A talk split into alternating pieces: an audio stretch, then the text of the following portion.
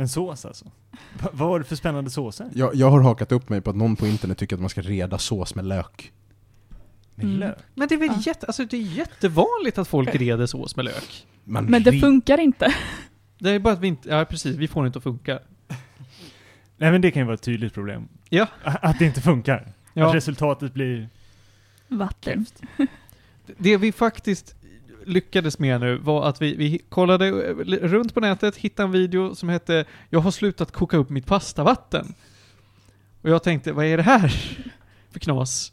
Någon som inte kokar upp sitt pastavatten? Men vadå, lägger i det kallt och sen låter det bara lägga i tills det kokar upp? Det kan man säga. Man ska ha så lite vatten som möjligt och man ska lägga i det kallt och sen kokar man upp det på precis rätt temperatur. Och säga, då blir det just- väldigt mycket stärkelse och då kan man göra sås på det. det, det, är den här, Ja, jo. det, är den här killen, det den här killen har gjort är att han har räknat ab- absorptionsgraden i vanlig torrpasta. Och så lägger han inte till mycket mer vatten än det. Ah, så att han tar vattnet som blir över för att göra sås. Ja. Nej, ja, Ja, ja. Man, man gör, Ja. basically, man gör pasta som man vattnet. skulle göra Nej. ris. Man gör pasta som man skulle göra ris. Mm. Det finns, det finns en viss logik med det. Ja, men jag får en känsla av att pastan kommer klibba ihop väldigt mycket. Det var det en är stor grej, här, du står och bara så här, skruvar runt konstant för att se till att de inte Okej, fastnar. Själv jobbar jag med att jag ska kunna laga maten från soffan, så den ska vara lite självgörande. Mm. Ja, alltså jag känner detsamma. Det är därför jag älskar ugnar. Ja, jo, men alltså gärna jag har ju köpt en extra stor pastakastrull bara för att jag ska kunna ha så mycket vatten som möjligt. Så att det ska inte kunna koka över, utan jag kan bara sätta en timer och så kan jag gå därifrån och så löser den sig det själv. Ja, det är helt fantastiskt. Men när du vill reda sås i din pasta, då fanns det en vits med det här. Och det, vi provade och det funkade. Men det funkar ju bara när man vill göra just det, re, göra sås i sin pasta. Annars så är ju jag helt med på ditt tåg. Pastan ska sköta sig själv, det ska kunna göra jättemycket och så är det bra med det. Ja men för att göra såsen separat är inte jätteknepigt om man vill. Det, det är kanske Det är inte det är om bara man vi som är dåliga. One pot pasta, sådana grejer typ. När man bara kan hiva i allting i, röra runt lite och så är det klart. Slipper man diska. One pot pasta är en sån här grej, det är ett så idylliskt koncept att jag inte vågar prova det. Har du aldrig provat det? Nej. Det går jättebra. Ja. Vi brukar göra en, en eh, kyckling och pesto eh, och lite tomater och grejer i en, en enda stor. Det går jättebra. Annars kan man ju, carbonara kan du göra, för då Mm. kokar du bara upp vattnet, häller bort allt vatten och sen har du bara en liten, för det är en kall sås som du Ja. häller på. Så då blandar du bara ägg och grädde på sidan och osten och sen häller du bara i det. Ja, Mitt problem är att jag gillar inte carbonara. Ja men det- då har du inte provat min ser du. Då har du inte provat min. Det är mer att jag har frätit mig på det för att under mina tre år under gymnasiet så hade vi det tre gånger i veckan. Och du kan, skolcarbonara du också. kan inte jämföra skolcarbonara med någon som Alltså, har jag stått och lagt en kärlek. Jag kan tolerera carbonara. Det är bara just skinka, pasta, Ja, sås fast är jag kör inte min oftast grej. bacon istället för Ja, skinka. jag kör ofta också Samma, bacon. samma Nej. djur. Nej, det, det, blir lite saltare, det blir lite... Rökig smak. Ja, Mm. det tillger mycket. Och sen är det också, skolcarbonara är rätt mycket, Pasta med ost och skinksås. ja men precis. Medans, vad är det liksom så här, en deciliter grädde på sex ägg eller någonting när jag gör såsen. Så det är Ja. mer ägg än sås. Ja men det är väl så man ska göra carbonara. Det ska väl vara så, du ska ha ett ägg och så ska du ha jättemycket ost och vända på skiten. Ja men exakt, Ja. alltså du har ju ytterst lite grädde. Mm. Jag tror, nu tror jag en och en halv deciliter kanske på sex ägg, för jag tror det är en deciliter på fyra ägg. Och sen skulle du dessutom, om man vill, knäcka en äggula ovanpå sen Ja, men visst. i efterhand. Ja det kan man göra. Det ska sägas, man behöver ju inte grädden, men det gör det jävligt mycket enklare att inte göra scrambled eggs. Ja, det finns ju en, en risk annars. Ja precis. Och det är också lättare om du vill blanda i parmesanen i såsen innan, att du har en bunke med ägg och eh, grädden, för då får du lite mer vätska. Ja. Så då är det lättare att liksom fördela ut osten jämnt. Och sen bara hälla på det på pastan och så värm- värms den av pastan. Du hör här Julia att det finns en stark passion för denna rätt Det, här. det, det jag Ja. vill snacka om, det jag vill snacka om är någonting jag såg på TikTok, som jag sett förut. Men TikTok, jag har hamnat på ett spår av TikTok där jag bara får matlagning och söta djur. Det är väldigt Ja, nice. det, Det är ett bra spår på TikTok. Ja. Det är mycket bättre än resten av TikTok. Ehm, och det är, vad heter det, cured egg yolk. Mm. Eh, man, man, eh, man kläcker äggulor i en saltbädd och så låter man dem stå i typ en vecka i kylen, i salt. Alltså begravda i salt. Eh, och sen så torkar man dem efter det, och så kan man i princip riva kondenserad äggula över sin mat. Så att så här, öka äggulesmaken liksom. Gud vad wack. Det, det, det är jättewack. Ja, men verkligen. Jag vet inte varför man skulle behöva det, men det är för att jag inte gillar ägg heller. Det är carbonara. Ja. Men alltså, jag var inte heller så stort fan av ägg innan. Och var lite så här, carbonaran var så här min väg in i äggvärlden. Och, för det är ju väldigt mycket protein och väldigt mättande. Ja, det är ju Mm. det. Så jag man- gillar ju inte smaken av ägg. Nej, Men det då- smakar ju inte ägg, för du ju... kryddar ju på det som Ja, ja, fan alltså i med ost och carbonara peppar. smakar det inte Ja. ägg, men alltså, att bara ha en äggula, för Ja, det, nej, det låter den jättewack för mig. Ja, den här är lite svårt för också. Mm. Men det... Ibland blir det så. Ja, det är tyck och smak. Men hörni, nu ska vi inte prata om matlagning. Vi har kommit eh, en lång väg på pratet om sås och ägg och grejer och eh, nu ska vi vidare för att här, här, här kommer introt.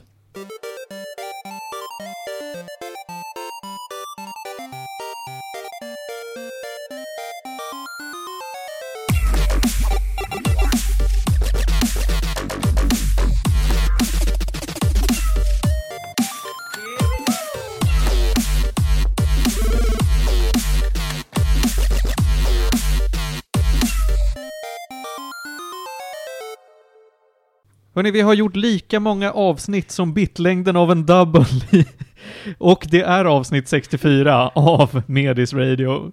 Trendigt värre. Tänkte du så länge för det skämtet? Ja, jag tyckte det var ganska roligt Nej, skämt. men alltså, jag såg ju hur nöjd du var. Det där har ju du suttit och sugit på hela kvällen. Ja, visst. Jag, jag, jag satte bara 64, vad vet jag? B- Doubles är ju 64 karaktärer, kan du supporta. Det är fantastiskt. Lika många karaktärer man kan ha som eh, namn i Zoom. Det är det. Man kan ha 64 karaktärer som sitt namn i Zoom, det är korrekt. Och så många avsnitt producerar vi med dagens avsnitt. Det blev sämre när vi analyserade det här för långt. Du Som de flesta skämten. ja, ja, det är sant. Pans, du tittar på dina händer som att du ifrågasätter din existens. 64 är det andra ringfingret. Okej. Om man räknar binärt. Ja, ja. Ja, så blir det. Eh, Du är här också, Panos Tetufexis, Hej! Theodor Tapper, Ja men hallå igen. och Julia Terstå Backlund, Ja, hallå. Och jag är här också. Martin Lindberg heter jag och det är alltid lika roligt att försöka skämta till det så här i början av avsnitten. Hörni, eh, det är en, eh, en väldigt, väldigt mysig men väldigt kall söndagkväll här hemma hos mig i mitt lilla vardagsrum. Vi ska prata om Cyberpunk 2077 i större utsträckning än vad vi gjort hittills. Nu när, eh, ja, Felix han har gått eh, under jorden, men vi vet att han inte tycker om det i alla fall, så att det är i princip vad han hälsar. Cyberpunk var inget bra. Jag och Theo däremot, vi har väl lite mera positiva saker att säga om det. Ja, nej men alltså, efter att ha jobbat igenom det en och en halv gång får man väl ändå påstå nu. Så, jag tycker ju att stämningen är väldigt fin. De prickar ju den känslan. Och den lyfter ju liksom spelet för mig väldigt mycket. Men jag har ju också en väldigt förkärlek till genren. Jag, jag har en fråga. Vi, vi går väl fan bara rakt Nej men, men, in nej, men på jag vill dra igenom vad fan vi ska prata om mer. Jag vill det. Jag, jag har en fråga. Ja, Ja, vi, du vi sätter en, den. en post-it på det. Mm. Mm, ja. Vi ska också prata om eh, Phasmophobia. Som är, visst är det någon typ av så här skräck-multiplayer-spel som du har spelat? Ghost? Hunters! Ja. Du-du-du-du-du. Theo, du har spelat Control. Ja, Sent om sidor. Ja, de har ju släppt en ny så här, Game of the Year, något Ultimate Edition special, någonting. Jag, Speciale. jag har passat på att lyssna på en jävla massa musik nu när vi har suttit eh, hemma och haft det tråkigt. Så att jag, jag har... Eh, ja, men jag kommer till det. Jag har lyssnat på väldigt mycket musik som jag ska prata om. Och sen har jag spelat det väldigt, väldigt artsy spelet 1111 Memories Retold. Hoppsan. Ja, det... Det blir vad det blir. Och så har vi kanske lite annat skoj att bjuda på. Men nu går vi in på Cyberpunk och Panos ska få ställa sin fråga. Du bara, jag har en förkärlek för genren. Vad är Cyberpunk 2077 för genre? Ja, det är Du menar- cyberpunk-genren. Du menar Lite- estetiken? Ja, estetiken. Ja. Men alltså även de typerna av berättelser är ju oftast, de startar som en ett yttre tema med liksom nära framtid och dystopia. Men sen oftast fortsätter till någon mera liksom humansk existentiell fråga om så här, när blir en robot en människa-aktigt? Och liksom att koppla lös sig från sitt liksom, sin kroppsliga grej och byta ut delar till maskin och lite sånt. De bitarna finner jag ofta väldigt intressant. Och mycket av det tar spelet upp. Kanske inte med silkesvantarna. De kanske är lite hårdhänt, men Ja, de, är, de sätter ämnet väldigt mycket på din nästipp och sen trycker de det tills den har passerat in i liksom skallen på dig. Mm. Men de gör det i alla fall från olika synvinklar. Ja. Jag, jag känner att det har varit ett återkommande tema de senaste åren, för jag tänker, jag tänker dels eh, Nier Auto- Automata mm. Mm. och eh, Detroit Become Human. Alltså Mm. det, det har varit mycket, mycket existentialismen är tillbaka. Ja, jag vill säga det. Och jag uppskattar det. Ja. Ja, jag tror att det, det kommer vara som de flesta grejer, att det kommer lite i vågor sådär. För att till Mm. slut så har man spekulerat om allt som är värt att spekulera om innan det blir liksom bisarrt. Kommer ni ihåg den här filmen från 2001? AI, Artificial Intelligence. Jag vet, jag Med den tror... lilla, lilla pojkroboten. Ja Julia, du är för ung. Det är okej. Ehm, Eh, Steven Spielberg. ja, Ja, jag minns den löst. Jag kan ha sett den på Ja, TV den någon gång. är, ser sådär. Men, alltså jättebra upplägg. Och eh, den, den kommer inte riktigt i mål i min värld. Det gör den säkert inte, men det är i alla fall förra vågen då det här ämnet var på tapeten. Ja, För det var lite Mm. sådana filmer där i början på 00-talet och... Ja, ja, men för du har ju den, sen, nu kommer jag inte ihåg när iRobot. Jo men Ja. den var 2003 för mig, men det är ju en jättegammal bok. vi, va? vi, har Ja. gått, vi har gått full circle hörni. Ja, jo men alltså för det började ju, alltså det var väl som hetast, nu kommer jag vara ute och cykla lite, men så här 80-talet, vi, vi har ju Gibson, Mm. som är väl den stora fanbäraren. Just det, just det. Med en, oh, nu ska jag passa mig, för nu tappar jag helt vad böckerna heter. Men Technomancer?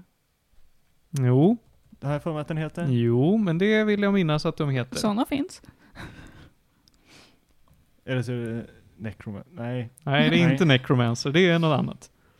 Det kan ha hetat Technomancer. Ja. Necronom- Alltså- ja, det, är- det är något där.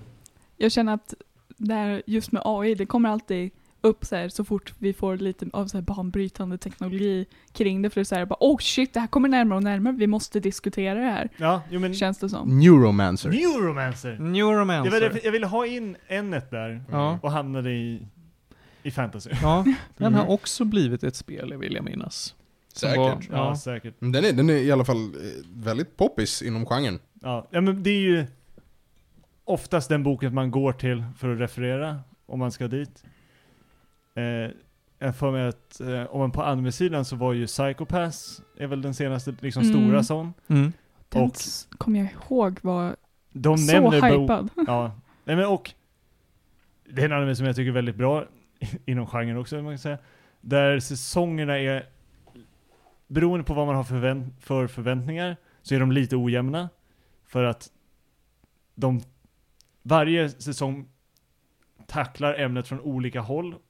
Vilket gör att karaktärerna blir lite, de byter roller från vem som var huvudkaraktär och vissa karaktärer säger ah, nej men för storyn så är den här karaktären nu på sidan och inte riktigt anknuten. Vilket, jag vet att väldigt många blev upprörda i säsong Mhm. två, då deras favoritkaraktär helt plötsligt bara säger Nej men han är inte med den här säsongen. Mm, Han är ute på något annat uppdrag. Och folk var typ såhär, nej men det här är det sämsta jag sett. Man säger, men ge showen en chans, den försöker berätta någonting och försöker etablera upp en ny synvinkel på systemet. Mm. Som är liksom huvudtanken med Cyberpunk överlag. Ja, jo men det är ju att ställa frågor och sen liksom testa dem. Jag är helt ute och cyklar om jag säger Ghost in the Shell är också lite på det här temat. Ja, Ghost in the Ja. Shell är helt klart på det här temat. Okej. Eh, Akira är också... Ja, det är Ja, det. Just det. Akira. Men, ja, Och Alita Battle Angel. Ja. just det. Nu tänker jag på den här Altered Carbon, den är ju i den här vågen skulle jag Ja. säga. Ja. Den är ju i den här vågen. Eh, för sen om man kollar på så här, stora filmer så då har ju båda Blade Runner-filmerna. Ja, just Mm. det. Hur- Just det. Hur är det med Ghost in the Shell? Har någon av er sett filmen? Nej. Jag såg, jag såg den filmen med Scarlett Johansson eller vad det är. Scarjo. Ja, det, det är den enda Ghost in the Shell. Jag har Jag inte har läst sett- eller sett animen Ja. eller någonting. Jag har ju sett animen, filmerna, läst lite av mangan, sett Scarlett Johansson-filmen, sett den nya adaptionen av... Så det. det. här är lite min genre. Ja, men du kan det här. För att, för att jag var så här, när jag såg, ehm, när jag såg Scarjo-filmen utannonseras, Mm. då var jag så här, jag vet att det här är en väldigt populär manga och anime. Jag kommer inte ge mig in på manga och anime, för jag klarar inte av manga och anime. Och jag borde antagligen inte kolla på Scarjo-filmen heller, för den kommer bara vara sämre. Var den sämre? Beroende på vad du har för förväntningar så är den mycket sämre, eller så är den lite sämre. För grejen är att jag som har varit, alltså före den filmen, ändå varit i både läst bitar av mangan, sett filmen som den är mest baserad på, men även sett eh, animen som heter Standalone Complex, som är liksom den andra stora polisdrama cyberpunk-grejen som de gjorde om det. Vilket jag tror är den jag rekommenderar mest för tittare att se, eller lyssnare heter det. Mm. Att, för lyssnare att titta på. Där satt den. Där har vi det. Ja. Mm. Eh, och för det de har gjort i filmen är att de har ju Delvis försöker de berätta en egen story som är baserad på bitar från första filmen som kom ut 90, 89, den är tidig, 91, 92 kanske. Någonstans, nå- någonstans där. Har de Frankensteinat ihop en historia nu? Ja, för Från grejen är- alla sen har de. Tagit, sen har de ju tagit coola scener från animen och försökt väva ihop dem. Och sen även ändrat på storyn så att vissa scener från originalfilmen som de har med för att de är så ikoniska från den filmen. Men de har inte gjort förarbetet eller efterarbetet så man förstår inte riktigt varför det sker i filmen. Utan mer såhär, ja men det var coolt, jag känner igen det. Och sen så bara, men hur kom vi hit? Vissa karaktärer här passar inte riktigt ihop. Den var dålig. Ja, den är, den är dålig. Alltså den var ju rolig för mig för att sitta och pussla ut, ah, det här är från den här grejen, ah, det här är från den här grejen. Och sen så tittade jag på vad andra tyckte och de var så här, jag hänger jag hänger inte med. Vad, vad, vad händer? Varför hoppar vi runt så mycket? Vilka är de här personerna? Och det, det är så mycket, liksom, den är jättefin att titta på och hänger inte ihop överhuvudtaget. Det, det, här är, det, det här är lustigt nog kritiken jag hörde. Jag hade en konversation med en människa som älskar Witcher-spelen. Mm. Som berättade att det var precis så här hon kände när hon tittade på Witcher-serien, säsong 1 på Netflix. Just det, eftersom den också är Frankenstein. Den är Frankensteinad, men den är ju Frankensteinad på ett sätt som är fullständigt sammanhängande om du har läst böckerna. Ja. Mm. Men har du inte det, då är det bara... Ja, nej men för den är ju mer baserad på böckerna än spelet. Ja. Om jag kommer ihåg Ja. rätt. Jo, För men så är det. författaren var väldigt hård med det, för han har ju blivit lite upprörd. Jag tror att... Han var nog inte beredd på vad som skulle hända Nej när men, de... nej men, han är lite upprörd att han får så lite pengar från spelen. Nu tror jag att han får rätt mycket pengar, men han hade velat haft ett bättre kontrakt tror jag. Mm. Och är såhär, ja nej men, det här är ju jättestort och jag skrev ju boken. Och sen bara, ja fast din bok blev väldigt stor för att folk spelade spelen. Mm. Så att det är lite hönan och ägget där. Mm. Och då var han såhär, ah, nej men nu, nu kör vi en tv-serie istället och jag ska ha liksom mer kontroll och kunna styra det mer. Vilket är så här till liksom Sap- Sapkowski till ära, hans, hans bok var ju skitstor inom den slaviska världen. Ja, Mm. ju. Men, men Alla den- som kan polska. alla som kan polska. Men, men det var ju liksom inte relevant Nej, den hade på ju samma inte sätt. ta sig ut än. Nej. Nej. Vilket den fick ju ett jättelyft av spelen. Ja. Mm. Så att, eh, rough luck Andre. Ja, men, För att då gå tillbaka till, nu har vi pratat väldigt mycket om existentialism och vi har pratat om cyberpunk som genre. Så låt oss prata om Cyberpunk 2077 som spel här då. Vi har ju nämnt vad det är tidigare, jag tror att de som lyssnar kan inte ha undgått det nästan. För att det är på alla släppar och på alla webbsidor och sånt där. Om att det här är ett eh, första persons RPG-spel i cyberpunk-miljö av dessa härliga CD Projekt Red som då tidigare har eh, utvecklat Witcher-spelen en full cirkel där. Vi, du knöt Mm. ihop det bra med den segwayen. Ja. känner Ja, jag. visst, ja, visst. Och som i alla podcast, man måste sabba en bra segway genom att peka ut den. Ja, tack Theo. Både du och jag har ju spelat igenom de här spelen. Jag brände igenom det när det kom ut, för både du och jag fick det ju på eh, releasedagen. Ja, jo, men vi var båda väldigt... Du var nog mer intresserad av att se vad det hade blivit av det. Och jag hade ju förhandsbokat det för så länge sedan, för jag var såhär, jag bryr mig faktiskt inte om det är dåligt. För att det kommer inte så många så stora spel inom den här genren. Så att jag var såhär, jag, jag tar vad jag får.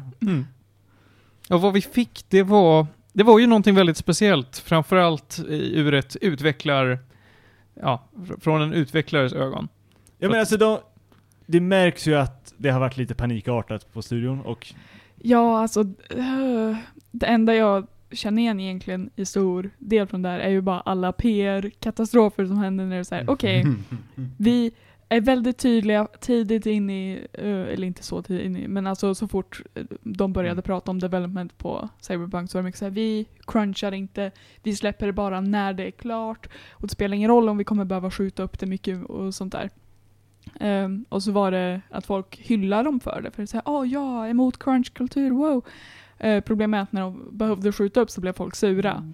ja. Ehm, så då var de ju tvungna att cruncha ändå. Och så blev det inte så bra. Och sen när de släppte och så var det inte klart så blev folk så här för att ah, men ni höll inte på det ni lovade.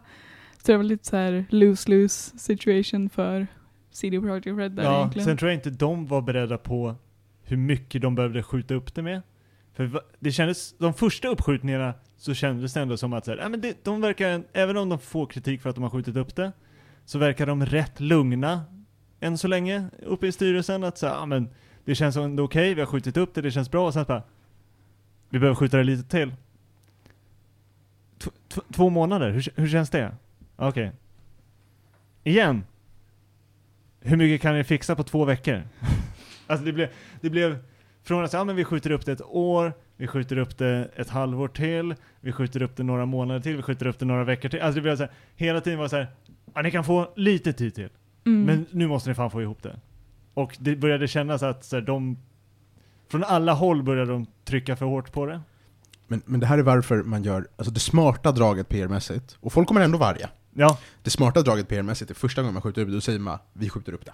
ja, Man säger inte hur länge, nej. man sätter inga deadlines, inga löften, man säger vi behöver skjuta upp det. Ja. Beyond Good and Evil 2. Ja men alltså Ja. typ. Det, det, alltså så här, det, det kommer också ackumulera hate. Och speciellt om det, kommer göra. pågår länge. Men då har inte du lovat att släppa en ofärdig produkt Mm. bara för att behöva sluta skjuta upp det. Ja. Nej, men, och även om du bara säger så här, vi skjuter upp det till någon gång det här året. Men Lite i allmänhet. Ja, ja men bara, så- alltså bara ge dem lösa och sen så bara säga ja men vi känner inte riktigt klara. Vi hade, ho-" och då kan du bara ljuga ihop det, även om du hade siktat på februari 2020 så kan du bara säga ja men vi känner inte riktigt klara. Vi hade hoppats på slutet här mot 2020, men vi, vi tar tre till bara för att få det riktigt fint. Mm. För då har man haft så stora spelmarginaler. Nu har de varje gång sagt så här, ja men till den här månaden, ja vi behöver mer tid och alltså det känns, Där det var specifika datum som Ja. sattes, då var det så här. Så vad vi slutade upp med var då ett spel som var ganska dåligt optimerat framförallt. ja. Det var och- ju med, med PC i fokus. Hade du inte en ganska high-end PC, då funkade det ganska dåligt. Satt och spelade det på en konsol, så som Playstation 4 eller Xbox One, då var det nästintill inte spelbart, för att det, det kraschade till och med. Det var inte bara det så att, att... kraschade, Quests buggade totalt ur. Alltså det var helt, alltså och för något som jag uppskattade var ju att gå runt i staden och känna att den var in, alltså det fanns folk på gatorna som sprang runt och sen tittade jag på någon som hade liksom ett klipp bara från konsol och sen så bara säga ja men vi har tagit bort typ kanske 60-70% av alla personer som går på gatan för att få det att bara spela överhuvudtaget. Mm. Det, det där reflekteras ganska intressant, eh, för att Metacritic har ju väldigt varierande aggregator scores beroende på vilken plattform. Ja. Mm. Du går från den starkaste, den prestandamässigt starkaste plattformen som är PC, där den får en 85 av 100. Mm. Rätt okej ändå. Och så går du ner till den svagaste plattformen som är Playstation 4, där den får en 56 av 100. Oj, Ja, ja men det, det är rätt stort hopp där. Ja, men det, det tycker jag ju nästan att det är värt, för att det, det är så pass nästan ospelbart då på Playstation 4. Mm. Så det är ju väldigt synd att de valde att släppa det samt, alltså, ja, Mm. samtidigt på alla de här plattformarna. Det, det var ju lite att köpa grisen i säcken kan man säga. Jo men verkligen. Och de har ju till denna dag inte riktigt löst det på konsoler heller. Nej, och Det var även, väl typ de bara, ja ah, men ni kan uppgradera till PS5-versionen gratis. ja, då är det att man måste ha ett PS5. Ja, det kan ju ingen köpa i alla fall. Nej, den är ju lite slutsåld överallt. Så. Ah, Det är Liksom, här sitter jag med min karaktär med två enorma penisar och kan inte göra någonting åt det. Ja, Ja men lite så. jag tror, alltså... Det, jag, det, det, det, det är det jag har fått av det här. Ja, Ja. för, för att tala från, från min egen liksom, upplevelse av det här. Jag upplevde inga performance b- b- problem. Det var aldrig så att det var så här, oj men nu eh, hackar det sönder eller kraschar eller någonting. Men buggigt var det, så in i bomben. Att jag hade mycket problem med att eh, voice lines inte slutade spelas, de kunde loopa, buggar i Det blev quests. Sean igen. Ja, det var väldigt mycket Sean från eh, Heavy Rain. Jaha. Men du spelar på PC? Jag spelar på Mm. PC, det, funkade, det funkade ju bra. Jag kunde ju spela igenom spelet och buggarna var inte så att det pajade upplevelsen. Men det var jävligt jobbigt när jag hade stora textrutor som låg på varandra och inte försvann. Nej men för det var väl det enda som jag hade. Jag hade några liksom, liksom o- overlays problem. För att voiceover och allt sånt där funkade. Det var på något ställe då en voiceline inte triggade så det var tyst och jag fick bara texten och sen fortsatte det. Mm. Det hände en gång. Annars var det mest typ såhär, ah, nej men den här UI-grejen ligger kvar efter konversationen så att jag kommer behöva typ fast travela eller någonting och sen försvinner den. Mm. I all ärlighet, och det, det är kritik jag tycker är rättvis mot CD Projekt Red.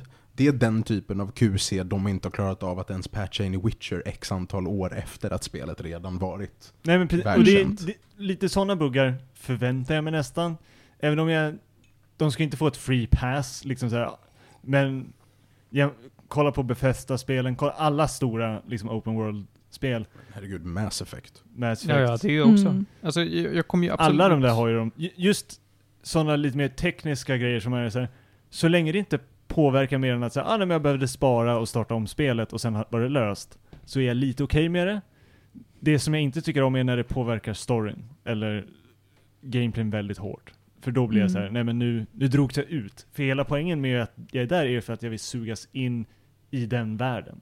Så sugs jag ut därifrån, då är det rätt mycket minus. Och jag kan, vissa har säkert fått buggar. Jag hade kanske tur som inte upplevde så många. Eller så var min rigg tillräckligt Mm. Stark kan man säga. Ja, det är oklart. På, på, den, på, på det spåret, så en sån här grej som brukar störa mig med lite äldre RPG'n, Mm. är när man tabbar ut, och så tabbar man in igen, under en cutscene, och då är cutscenen mutad. Ja, ja, Ja. men det kan hända. Det kan hända. Det är en sån här konkret grej som stör mig. Jätte, jätte, jätte, jättemycket. Mm. Har du hellre så att cutscenen inte mutas när du tabbar ut? Jag har hellre så att cutscenen pausas. Det är, är det mycket att begära. Ja, ja, men, Ja. men jag tänker så här, jag tänker så här. måste man, alltså kommer det, om, om, om cutscenen på något sätt ska påverkas, för att när jag tabbar ur, då tabbar jag ju inte ur, jag går bara över med musen till andra skärmen. Mm. Eller hur? Mm. Och det ska egentligen spelet tåla. Man ska kunna ställa in continue keep, eller keep playing sound in background, och så ska cutscenen kunna löpa på. Och klarar de inte det, då kan den bara lika gärna vänta på mig. Ja. Jag vill i alla fall inte komma tillbaka till tystnad. Nej men exakt, alltså, för jag tror att jag Cyberpunk har jag för mig att när jag bytte så eh, fortsatte ljudet. Så var det för mig i alla fall. Ja.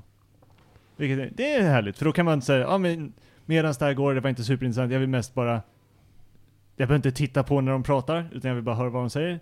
Så kan jag plocka upp någonting på sidan som jag ändå höll på att Mm. mäckla med liksom.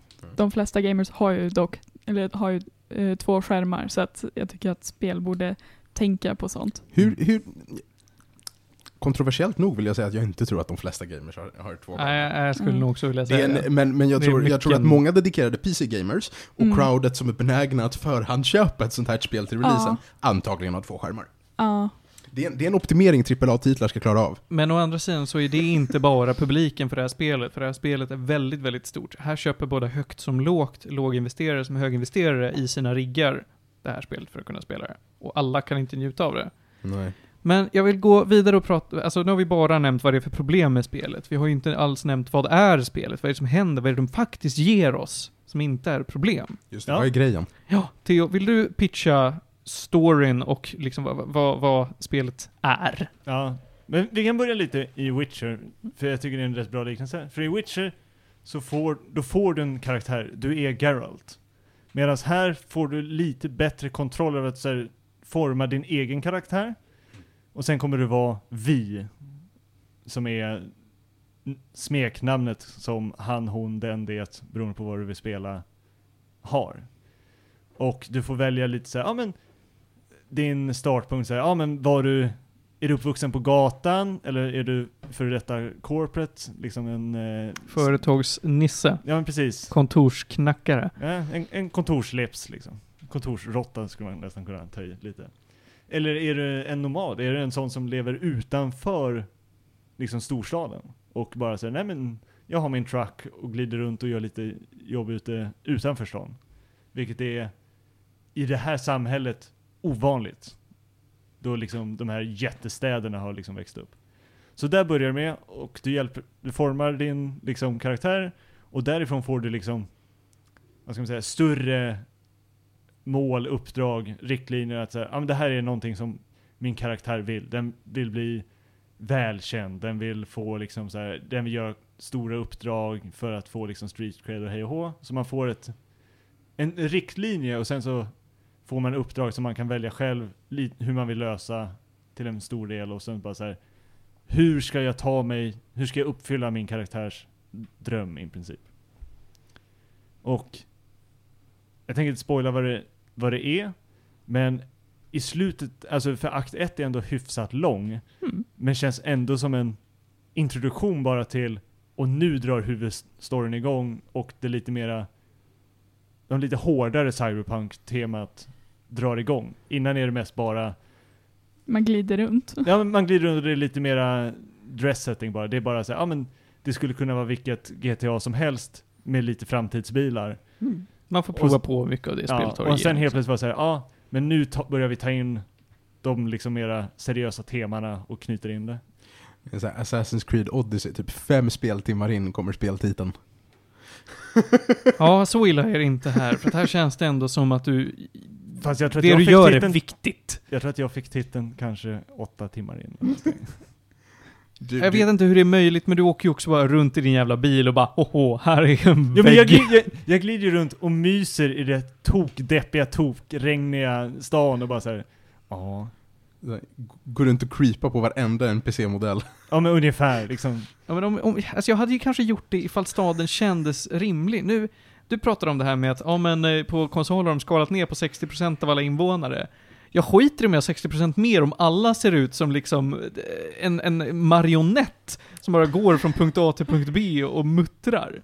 NPCerna är så fula och så meningslösa. Ah, fast att- vissa, vissa områden har bättre NPCer än andra. Det är klart att vissa områden har det, men går jag på gatan, godtycklig gata, då är det illa. Ja okej. Sen ska vi också prata om, just för att jag körde väldigt mycket bil. Jag fast-travelade inte speciellt mycket utan jag tyckte om att glida runt i stan. Och frameraten när du kör bil är helt bedrövlig. Alltså det är, det är såhär, ja, jag sätter mig i bilen och den halveras. Och jag var såhär, ja nej men nu, det är tur att jag startade på högt för att annars hade det varit jobbigt. Det tog mig också två timmar att inse att du inte behöver köra bil i första person. Jaha, nej men det, det klurade jag ut rätt snabbt. Ja, äh, grattis. Ja. För det, är, det förstår jag inte varför någon skulle vilja göra i alla fall. För det är fruktansvärt Ja, dåliga också- kontroller. Alltså det här, kontrollerna i bilen är dåliga även Ja, när du är i tredje person. Alltså, jag, jag tyckte om att sitta i bilen, alltså för, i olika bilar, Mm. parkerad och bara titta på inredningen. För de har gjort rätt snygga interiörer i bilen. För all del. Kör hårt. Men köra bilen, jag vet inte, man är ändå rätt, eh, rätt krallig. Jag tror man kan ställa in det lite, men min karaktär, hon var rätt stor. Och rätt lång. Och sen sätter jag mig och så bara, jag har ju typ näsan under ratten. Alltså jag- ser så lite ut genom fönstret. Så Finns det inte en spak på det här sätet så jag kan hoppa upp lite? För jag ser ingenting. Du, det låter i alla fall som att du har mjölkat ur varenda upplevelse ur det här spelet. Ja. Ja, men det är också, det var väldigt länge sedan jag fick ett sånt här spel som var så detaljerat. För oftast är det de som görs, vilket jag kan rekommendera, är ju eh, oh, eh, Shadowrun? Mm. Shadowrunner? Ja. Nej, Vilket Shadowrun. Shadowrun. Eh, vilket är, de nya är, de är riktigt bra. Och det som är häftigt med dem också är att de har ju en, liksom, vad ska man säga, community, alltså de, communityn kan skapa egna äventyr, liksom så här RPG-äventyr som du kan ladda in och spela igenom. Mm. Vilket är rätt coolt. Eh, Men det är ju lite mera liksom, RPG, alltså det är ju... lite mer old school RPG. Tabletop. Ja, men också, början. de flesta av de spelen är ju väldigt, alltså är ju så här, vad heter det, isometric, Mm. liksom ovanifrån, Mm. du spelar på grids. Så att kunna vara i en sån värld var väldigt länge sedan. Så att därför, jag försökte njuta så mycket som möjligt. Mm. Ja, men det gjorde du rätt i. Kan jag få nämna en sak dock? För jag har ju öppnat det här spelet. jag kom igenom character creation och sen stängde jag av och så har jag inte kört det sen dess. Eh, jag gillar inte character creation i den. Men det är nog för att jag är lite bortskämd, för att jag är en sån som kommer från Black Desert Online, Sims och liknande. Och att komma tillbaka till så här Bioware cirka 28 var jobbigt. Det är så här, det är sliders eller typ så här presets Ja, det är och mycket typ inget presets. annat. Och man bara, jaha, här fanns det inte mycket. Nej men, och det, Jag satt väldigt länge och försökte få någon som såg rimlig ut. Ja, för att det ja, är svårt att också- pussla ihop. säkert en och en halv timme och så startade, gick in, gick runt en, en timme, eller gick, en timme, gick runt en vända och Mm. sen gick tillbaka och var såhär, nej men den här karaktären är inte riktigt så som jag ville att den skulle se ut, vi, vi startar om. Eftersom alla youtubers blurrar ut det för att inte bli demonetized, Mm. är den dubbla penisen vågrät eller Det lodrät? finns ingen dubbelpenis. Det är bara en meme. Ja, det är bara en meme. Ah! Men den penis som finns, den är, vad heter det, Den- den är lodrätt. Alltså har, har man en singel så brukar den hamna där. Ja, det brukar, det brukar funka så. Man vet, alltså det med, alla är olika, men den de har här, den är så. Ja. Låt oss prata lite om vad det är du gör i det här spelet. För storyn i sig, det, det är svårt att prata om eh, Ja. utan att spoila. Men du är Men då den den, är här. V, Vincent eller Veronica heter hon i den kvinnliga? Ja, Jag vet inte, jag har ingen inte aning. ihåg. Jag har bara spelat som man. Ja, jag tror att det är Veronica Men V är det viktiga liksom. Det är ju, eh, där, ehm, du, du ska göra ett namn för dig. Du eh, kommer från någon typ av bakgrund och ska basically göra ett namn för dig i den här staden. Du vill eh, bli stor och make it big. Eh, och det gör du med hjälp av olika karaktärer runt omkring. Keanu Reeves. Keanu Reeves är, jag tycker inte ett dugg om honom i det här spelet. Jag tycker han är jobbig. Men han är, han han är är- med. Ja, han är med. Väldigt mycket. Ja. Han, han är en väldigt viktig del av, av storyn Alltså, framförallt. För storyn tycker jag att han är bra och viktig. Mm. Som karaktär så är han okej. Hade jag kommit ihåg mer från liksom Cyberpunk 2020 RPG-boken från väldigt länge sedan, då den karaktären är liksom en NPC i, alltså det, det är tabletop liksom roleplaying Mm. eh, så hade jag kanske haft en bättre anknytning till honom, utan nu är det mer så ja men vi har tagit en gammal höjdare från settingen som vi har introducerat igen. Och det funkar okej. F- För storyn är det bra. Hur de implementerar det är bitvis jobbigt, bitvis intressant. Ja, Han det- pratar ja. på ett lite konstigt sätt i vissa lines. Ja, det var verkligen. Men, men jag, jag kan absolut nöja mig med att säga det, att han, han är, har ett syfte, det är inte så att jag inte tycker att han ska vara där. Det hade varit ett väldigt konstigt spel utan att ha honom där. Men jag tycker inte om honom för att allt han kommer och säger åt mig är saker jag inte vill höra. Så att jag kommer ju konstant att bara, håll käften Johnny då, som han heter. Ja.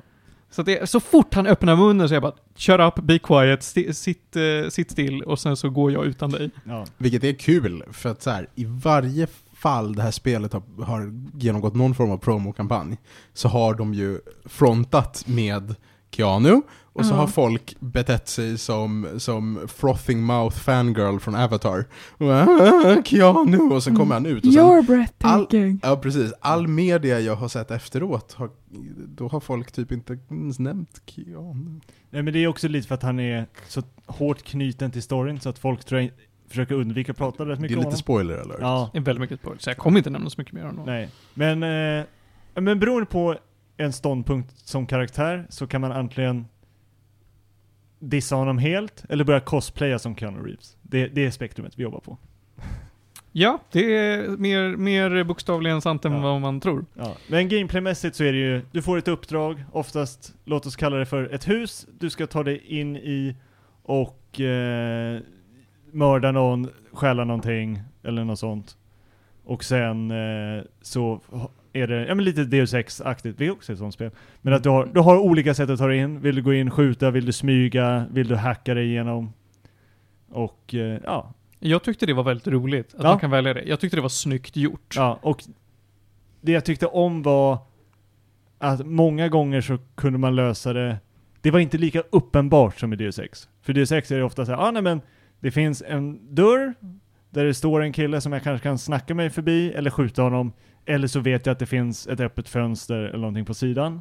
Och på den här, jag var tvungen att tänka hur byggnaden s- jag, jag satt och tänkte igenom väldigt mycket planlösningar, vilket jag tyckte var lite coolt. Att jag sa, ja ah, men jag är någon så här mercenaries person och så, ja ah, men jag måste planera lite mer än att jag bara säger, ah, jag kan förvänta mig att det, en av de här dörrarna kommer vara inte låst med liksom säkerhetskort. Som det var mycket i DSX, att säga, Mm. ja nej men Många av de här kan du hacka, men kan du inte hacka så vi har låst, vi har lämnat en dörr öppen, medan här behöver man tänka lite extra några gånger.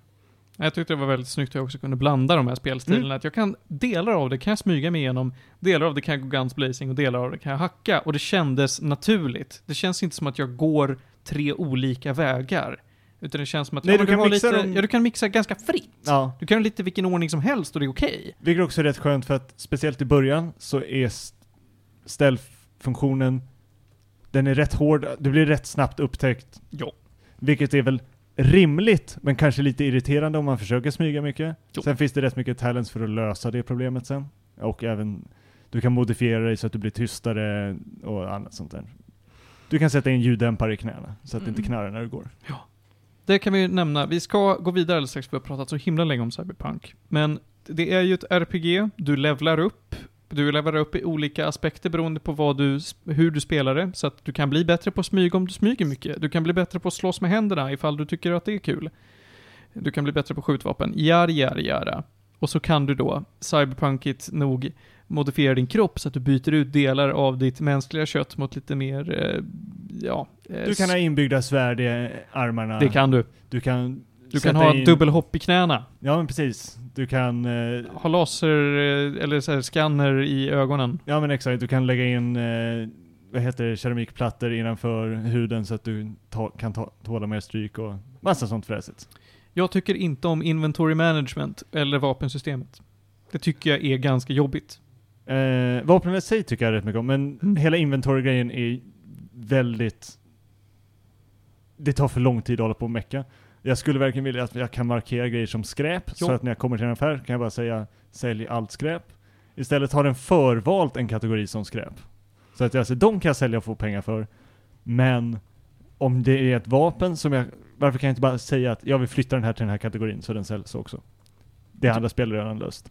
Craftingen är också Mm. ful. Den är väldigt enkel att förstå sig på tycker jag. Den är jätteful och gör så att jag inte vill använda den.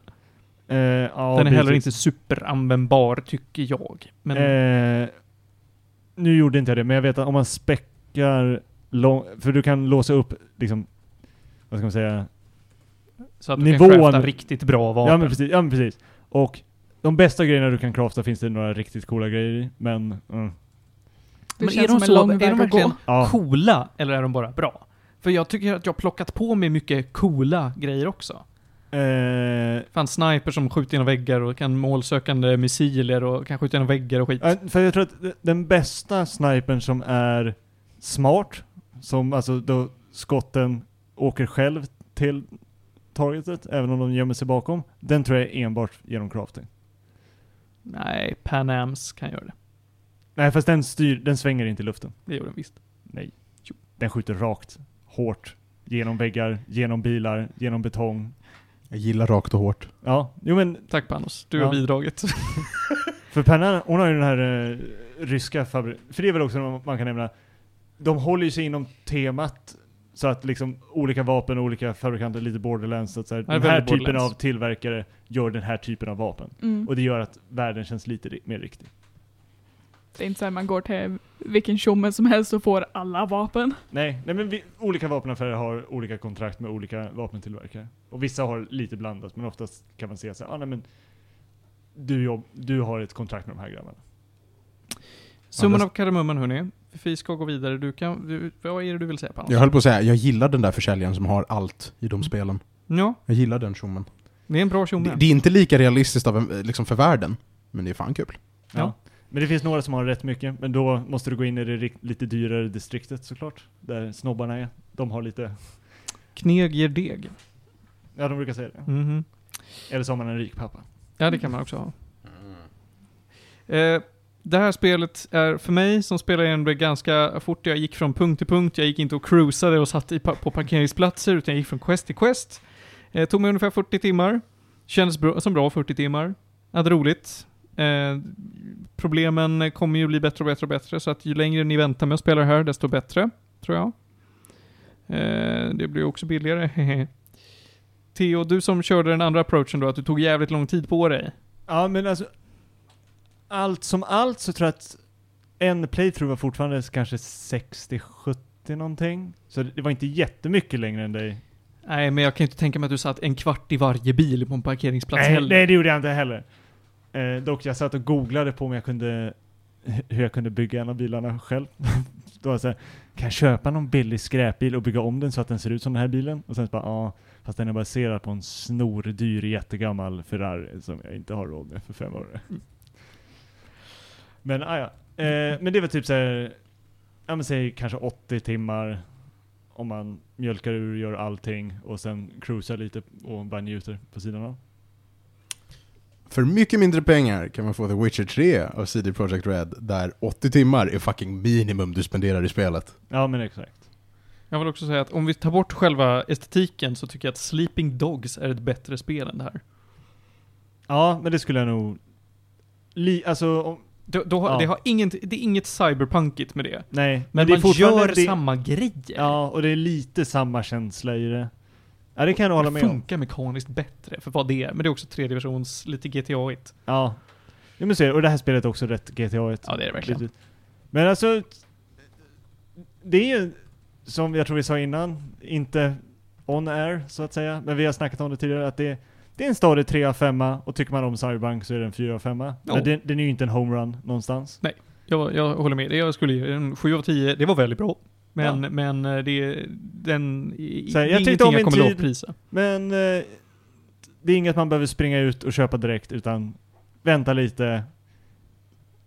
Jag tror att en Game of the Year edition på det här spelet med lite extra DLC och lite extra att göra skulle sitta riktigt fint. Ska inte det komma multiplayer eh, Det är också? ingenting de har sagt. Eller, alltså, De, de, har, de snackar de om att de skulle göra eh, det verkar lite... Jag tror att de vill ha sitt eget GTA 5 multiplayer-grej. Så jag tror att för det har dragit in väldigt mycket pengar för Rockstar. Så att jag, det är något de har tänkt på, men jag vet inte hur nära de är överhuvudtaget. jag har spekulerat så mycket i DLC-grejer. Ja, men det här, kommer, det här som inte finns nu, men som är en eh, självklarhet, det kommer komma i en DLC tror jag. Och det är många som spekulerar om det. Jag tror inte att det kommer bli så att de bara bygger om spelet så att det blir allas önskespel till slut. Nej men så är det inte. Eh, en helt annan fråga, fast fortfarande inom det här. Störde du dig på alla, all cyberpunk-slang som de använder? Eller hängde du med på mycket av det? Hängde med på det mesta.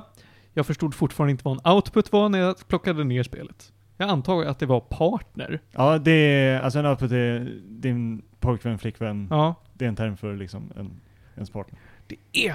Jag förstår inte kopplingen. Alltså jag, jag, de flesta termer säger ja men det här är bara ord. Men output är ändå ett ord som ändå har bytt mening till att betyda partner. Jag förstår det inte. Ja men det, det är väl för att det är en lite mörkare värld så, men det är något där du kan ladda ur dina känslor på. Så Ja, du, du, du projicerar iväg grejer på någon annan som får ta hand om det problemet. Lite åt det upplägget tror jag det grundar sig. Freud hade säkert haft jättemycket åsikter om detta. Det tror jag Ja. säkert. Mm. Freud hade mycket åsikter. Men att folk kallades för gonks och chooms, det var inga problem. Nej. och det sen- var bara ord. Ja, nej, men det är lite cowboy keyboards. Nej, keyboard cowboys heter Keyboard cowboy, ja. Ja, och så punch deck och lite sånt där. Mm. Härligt. Ja. Härligt Mm. trams. Jag störde mig inte jättemycket på det. Nej. Men, men eh, konceptet output blev jag förvirrad på eftersom att jag efter 40 timmar inte fattade riktigt vad det var. Nej, men det är kontextmässigt från några scener kan man Ja. klura ut vem det är. Hörni, vi ska gå det? vidare. Vi har gett våra gäddor. Cyberpunk är helt OK. Helt okej. Jag skulle vänta lite. För att gå över till något helt annat, Panos, du ska få andas lite grann. Ja, jag ska prata om musik. Det tycker du om, ja. Det tycker Det jag tycker du om. jättemycket om. 45 minuter cyberpunk senare är jag redo för musik. Jesus Christ. Mm. Jädrar. Mhm. Ja, Mhm. vi som hade så mycket ämnen. Ja. ja, Mm. men det blev... Fast vi sidospårade rätt mycket om själva genren också. Men det är också så här, det är också problemet med Cyberpunk är att det verkar vara sådana här spel där folk, folk älskar det inte, men det går ju fortfarande att prata om det ad infinitum. Ja, Mm. Ja, det men, är det. Men men det det kan du tror jag göra med det mesta. att det ligger i ett sidospår. Alltså det, Ja. det är en lite egen grej. Även Ja. om den har plockat mycket från andra grejer. Ja, ja, Men- jo men det är det. Nu ska vi inte styra tillbaka hit, utan musiken. Ja, där har vi det. Jag har nämnt det tidigare, att just nu, eh, i och med att eh, jag inte har allt för mycket för mig, jag brukar sitta mycket vid min dator och spela lite spel som inte kräver så mycket uppmärksamhet, så har jag börjat lyssna igenom hela bands diskografier. Eller bands hela diskografier, säg det i vilken ordning ni vill. Jag har kämpat mig igenom eh, högt och lågt. Det började ju med att jag liksom, back in the days när jag var ung, som alla andra människor som har varit unga, inte har tillgång till att lyssna på vilken låt lite när som helst, utan du har ett gäng skivor. Och då lyssnar du fan på hela skivorna. Nu för tiden har vi ju lyxen att kunna välja och vraka som vi vill. Ja men även om man var alltså lite yngre så när man fick de här första liksom MP3-spelarna Ja, då mix and matchade man ju. Ja, jo men du kunde mixa och matcha lite som när du gjorde en liksom, så här, ja, nu har jag gjort en egen liksom mixtape eller skiva med lite låtar på. Men det var också när du gick över till de här MP3-spelarna så att ja men jag har bara 20 låtar, 60 låtar. Jag kommer ihåg att vi hade en som var 120 låtar och det var liksom så wow! Fan, 120 låtar! Det var Du var ju fortfarande tvungen att sitta och välja ut dem. Och liksom säga, ja nej men det är de här jag har den här veckan. eller den här månaden. Eller hur ofta man orkade gå in i datorn och ändra på det. Ja, visst. Mm. Men nu har jag känt att, ja men vad fan, det är, jag, jag eh, har inte så mycket jag vill mixa och matcha. Då kan jag lika gärna ta och upptäcka ny musik genom att köra på hela diskografierna. Så att eh, nu har jag på sistone då, förut, eh, när jag gått vidare från mitt liksom vanliga prog metal-träsk, så gick jag till, ja men vad fan, jag tar Jethro Tull. Det är ändå folkprog. Det var så här 25 album där alla låtar är samma låt. Det är alltid någon hjälte som ska upp på ett berg och han har problem och sen ska vi köra flöjt i sex minuter i varje låt. Jag gillar inte Jethro Tull nu längre. Jag gillade det tills jag lyssnade igenom diskografin. Nej men alltså ibland är det så när man är så här, ah, det, det är lite för mycket samma. Ja. Det är därför, jag har ju blivit en sån som så här, jag Band tycker får om... gärna ändra sig. Ja men alltså så här, Att ha här, två, tre låtar som var så här, och det behöver inte vara liksom deras mest kända, men så här, jag har några favoriter från varje istället, och så lägga dem i en annan spellista och bara säga nej men det här är rätt härligt.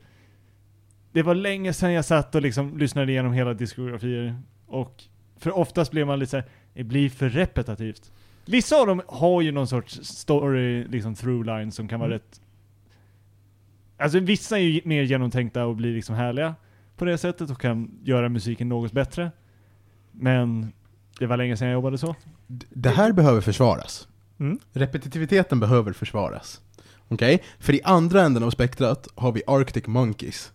Där ingenting låter Som som, ett, det andra. ett primexempel på ett band som bara totalt fucking byter face mellan varje album. Mando Diao. Mando Diao. Och jag, jag tycker inte heller det är nice. Nej, nej, alltså att ändra stil helt och hållet, nej. Men man kan ju gärna säga go with the times.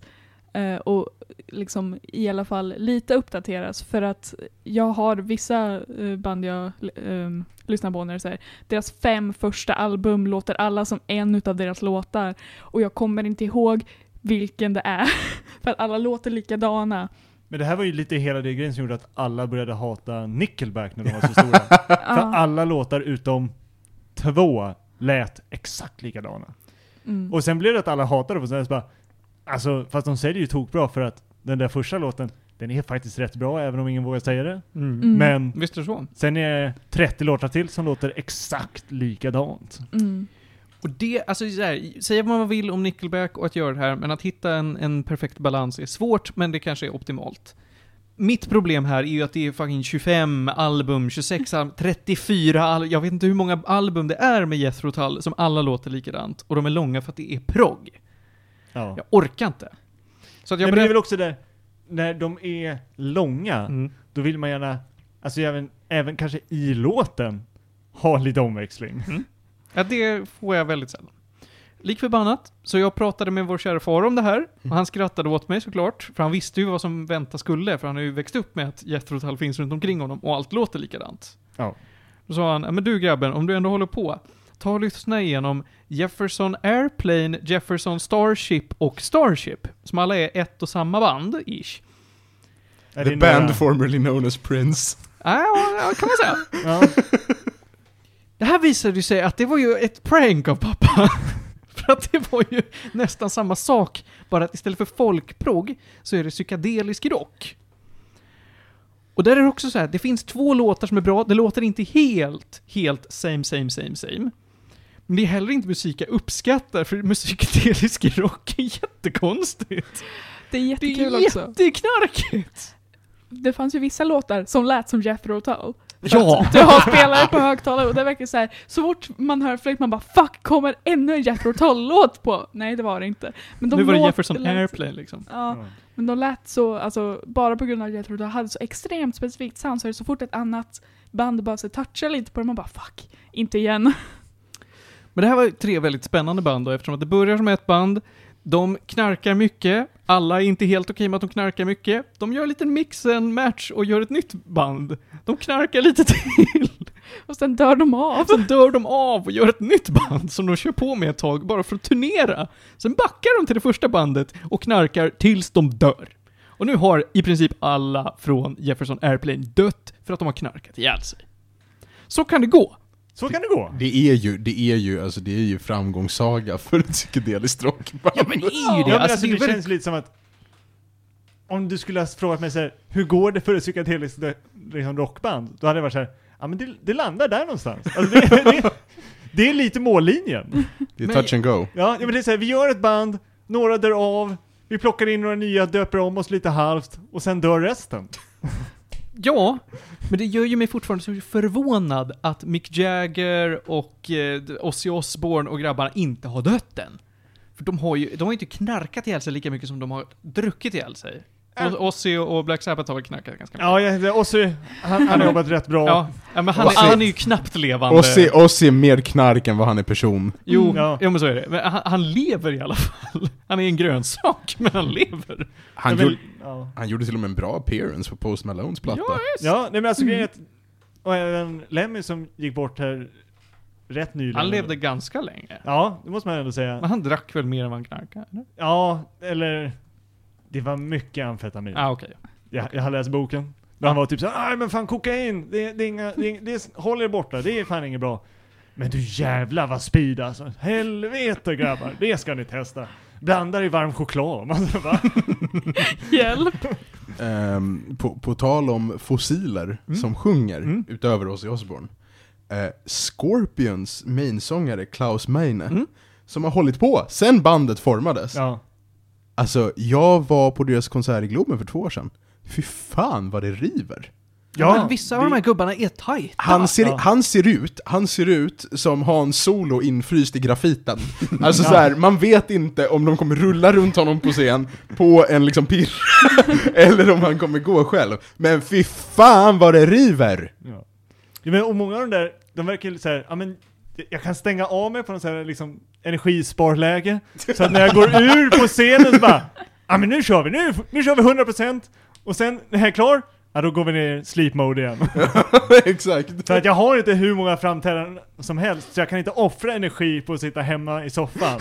Utan då kan vi vara lite halvt döda växt, liksom grönsaker bara, och sen sparar jag mig till scenen. Jo. Från dessa fina psykedeliska rock gick jag vidare och kände att jag orkar inte med mer av riktigt konstig musik. Jag gör någonting som jag vet är etablerat och i alla fall ganska homogent bra. Metallica. Ej. Känner jag, det är ett safe kort. Och jag vet att alla Metallica-album inte är prisade till skyarna. Men jag var ändå nöjdare med den upplevelsen, också för att den var mycket kortare. Visst att Metallica långa låtar, men vad, vad är det de hade? Typ såhär 12, 12 album eller något sånt där. Mm, Ja men något sånt. något, något sånt. Och det funkade. Det funkade, jag tyckte att det var bra, jag kände igen många av låtarna, jag, jag förstår varför de är bra. Och vissa av de här albumen som är så här: oj, det här var lite annorlunda. Det kunde ändå vara trevligt. Den här Garage Inc som bara är covers tydligen då. Och ibland kör de lite annan genre än, än vad de brukar göra. Tyckte jag var jättetrevligt. Och sen kom vi till det här fina albumet de har gjort med gamla rocksångaren Lou Reed, som heter Lulu. Det var inget bra. Det var inget bra, för att Lou Reed är för gammal, han kan inte sjunga längre. Och sen Nej. också att de typ kost, alltså det är en hel grej med att storyn är att Lou Reed är typ en flicka eller någonting och det blir väldigt så här. Ha! För att de pratar, eh, de sjunger som såhär, oh, men jag är en ung flicka som upptäcker sexualitet bara att det är en gubbe som sjunger det. Och det blir så creepy, så fort. Ha! Och det håller igenom hela albumet. Nej, det var inget bra. Det, det är ett märkligt tema att välja, det kan jag hålla med om. Ah. Annars bra. Och nu slutligen då, för att avsluta, vart jag har kommit nu är att jag är inne på Iron Maiden. Ja. Och jag har kommit ganska långt i Iron Maiden, och jag är nöjd. Det låter väldigt samey. Det ska jag säga, att jävlar vad alla Iron Maiden-album hittills, jag tror jag är inne på album 6 eller någonting. Det är jättesamey. Nu, nu, nu var det så att din pappa antagligen spelade ett spratt på dig, Ja, han brukar göra det. med Jefferson Airplane. Men, här är det roliga. De två snubbarna som tyckte det var för mycket knarkande Ja, och lämnade Jefferson Airplane, de bildade Hot Tuna. Ja. Du är inte klar. Jag vet att jag inte är klar. Jag vet, jag vet, och jag har satt och funderat på så här, ska jag orka lyssna på Hot Tuna, eller ska jag lyssna på Triple and Touch? eller Lasse Kronér eller Triple and Tuna? Jag är lika otaggad på båda. Men- Och någon som har tagit sig an en, här, en jätteresa, för det var tre år sedan nu tror jag, då jag var så här. Fan vi ska beta oss igenom hela Ulf Lundells katalog. Ja, ja, ja. Det, 24 album, Ursäkta. 24 men det- album. Theo har ju en gubbkeps av en anledning. Ja, så är det. Ja. Och jag kan också säga, det finns bra, alltså jag hittade ju nya låtar som jag tycker riktigt mycket om. Men jag tycker också om kanske, ja men totalt kanske ett album. Alltså, Utav Tretton- 24. ja, nej, men så här, liksom 12-13 låtar.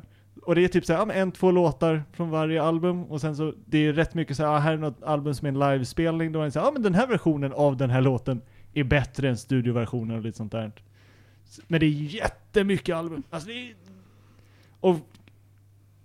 Alltså det är lite av en Springsteen-resa, för det är också mycket album. Och det som också är roligt är att de är ju väldigt lika i musikstilen. Och jag var lite såhär, ja men... För jag hade hört att Ulf Lundell så här härmade Springsteen. Och sen så bara, ja. Men de var ju så i synk att ibland släppte Ulf Lundell en ny liksom typ av liksom sin typ av musik före Springsteen som sen gjorde en liknande album till Ulf Lundell. Så att det var lite hönan ägget där i, på vissa ställen. På, på, tal, på tal om gubbigheter. Jag tycker, om man, om man nu ska följa en musikalisk resa, så tycker jag att Mikael Wiehe och Björn Afzelius, Mm. både deras sologrejer, och Hoola Bandoola-tiden, och deras samarbeten med alla andra, alltså det är ju oändligt mycket album. Mm. Det är ganska behagligt hela vägen. Ja, ja, men alltså de är ju duktiga musiker. Av, av, att- liksom, av liksom, om vi ska prata om svensk gubbmusik. Ja, då Ja, är, Mikael Wiehe är ju jävligt mycket svensk gubbmusik. Det är Ja. Janne Jag vet Schaffer inte ens typ. Men det det är är. bra svensk gubbmusik. ja, Ja, men det så är det ju. Medan Uffe är ojämn. Dock, Men du har ju sett... från konserten han körde nu i julas. Den var ju riktigt bra! Och gubben är typ såhär 75. Ja, det är sant. Men å andra sidan, Då han är ju... typ bättre än han har varit på kanske 20 år. Det är nu rivet kommer fram. Ja men precis, han, han tog sig en paus. Såg i och för sig honom på Berns förra julen. Och det, det här var lite efter min resa, så då var jag såhär, ja, men jag vill gå och se honom live. Och då, det var också rätt bra. Men, alltså är det något, är, är man lite småsugen, så se den på SVT Play om den fortfarande ligger uppe från julkonserten. Som han hade nu senast. För det, det var bra. Jo, jo. Men du får tänka på det. Du har sett Uffe live några gånger. Han har hållit på och gjort typ 24 album. De han kör live, det är nog de du tycker om. Det är nog Ja. de som folk tycker om. Det kan finnas lite axplock. Men Ja. jag tror att det vore jävligt konstigt om Uffe 75 idag bara men jag gillar den här. Långt ner. Here comes Wonderwall. Ja men, alltså så här, jag tror att när du lyssnar på hela Uffes diskografi så finns det så lite nytt du kommer upptäcka. Ja, Som, som du mycket- tycker om. Ja, Alltså, nej, för jag hittade rätt mycket. Grejen var att jag hade ju, innan jag gjorde den resan, då hade jag ju bara hört det som går på radion höll på att säga. Men alltså Ja, de, okej. de stora hitsen. Så sen, då hittar man ju, vilket jag tycker är en jättefint skriven låt, som har ett jättedrygt intro på munspel, men eh, jag vill ha en Stockholmstjej igen, en Mhm. rätt fin låt. Eh, och från en relativt ny platta, vad heter den låten? Eh, fyll lite tid, lite snabbt, så kan jag hitta det. Är det den om skjortan som är vit? Exakt! Ja, precis. Ge mig... Eh, ut ikväll Ut heter den. ikväll heter den Ut ikväll, som jag tycker är riktigt bra. Och eh, det albumet släppte han ju 2001. Alltså då var han ju typ 60 eller någonting och släppte ett nytt album med en av vad jag tycker kanske hans bästa låtar. Det tog ett tag, han laddade upp. Ja, jo men det var så här, jag gjorde några i början, jävla depp, gjorde någon så här akustiskt litet test som var så här, ja men det blev någon bra där.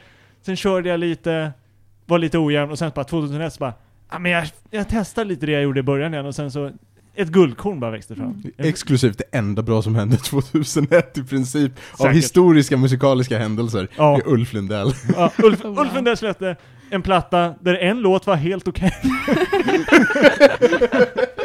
Oh. Ja. Ja, ändå, därför gillar jag, eller föredrar jag alternativ musik. Ni kommer att göra så här, musikaliska grejer för att det är en scen som ändras så mycket så att så här, Adapt or Die är det väldigt mycket för sådana band. Så att man kan ha ett band som kanske har varit aktiva i kanske typ 15 år max.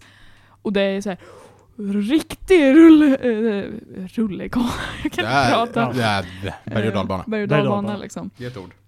Um, ett som jag har pratat om en del, Bring Me The Horizon, som börjar så här jättescreamo och folk då hatar det och sen så ändrar de till lite mer poppigt. Och så folk hatade det istället och älskade det gamla och nu har de gått tillbaka till att vara lite tyngre och folk hatar det och det är väldigt mycket kaos. Det som har hänt med Bring the Horizon på sistone har dock varit väldigt spännande. Det har varit jättespännande och rätt bra. Jag tycker om det, men det är väldigt många som säger ja det är nytt och man bara Det ja, säkert, vi säkert, gillade ju inte det gamla. säkert så folk reagerade 2001 på Ulf Lundell. Säkert. De bara, det här Det river är för för mycket. Ja, nej men nu, nu, nu, nu är du tillbaka i rivet här, du är för gammal för det, det är inte din grej längre.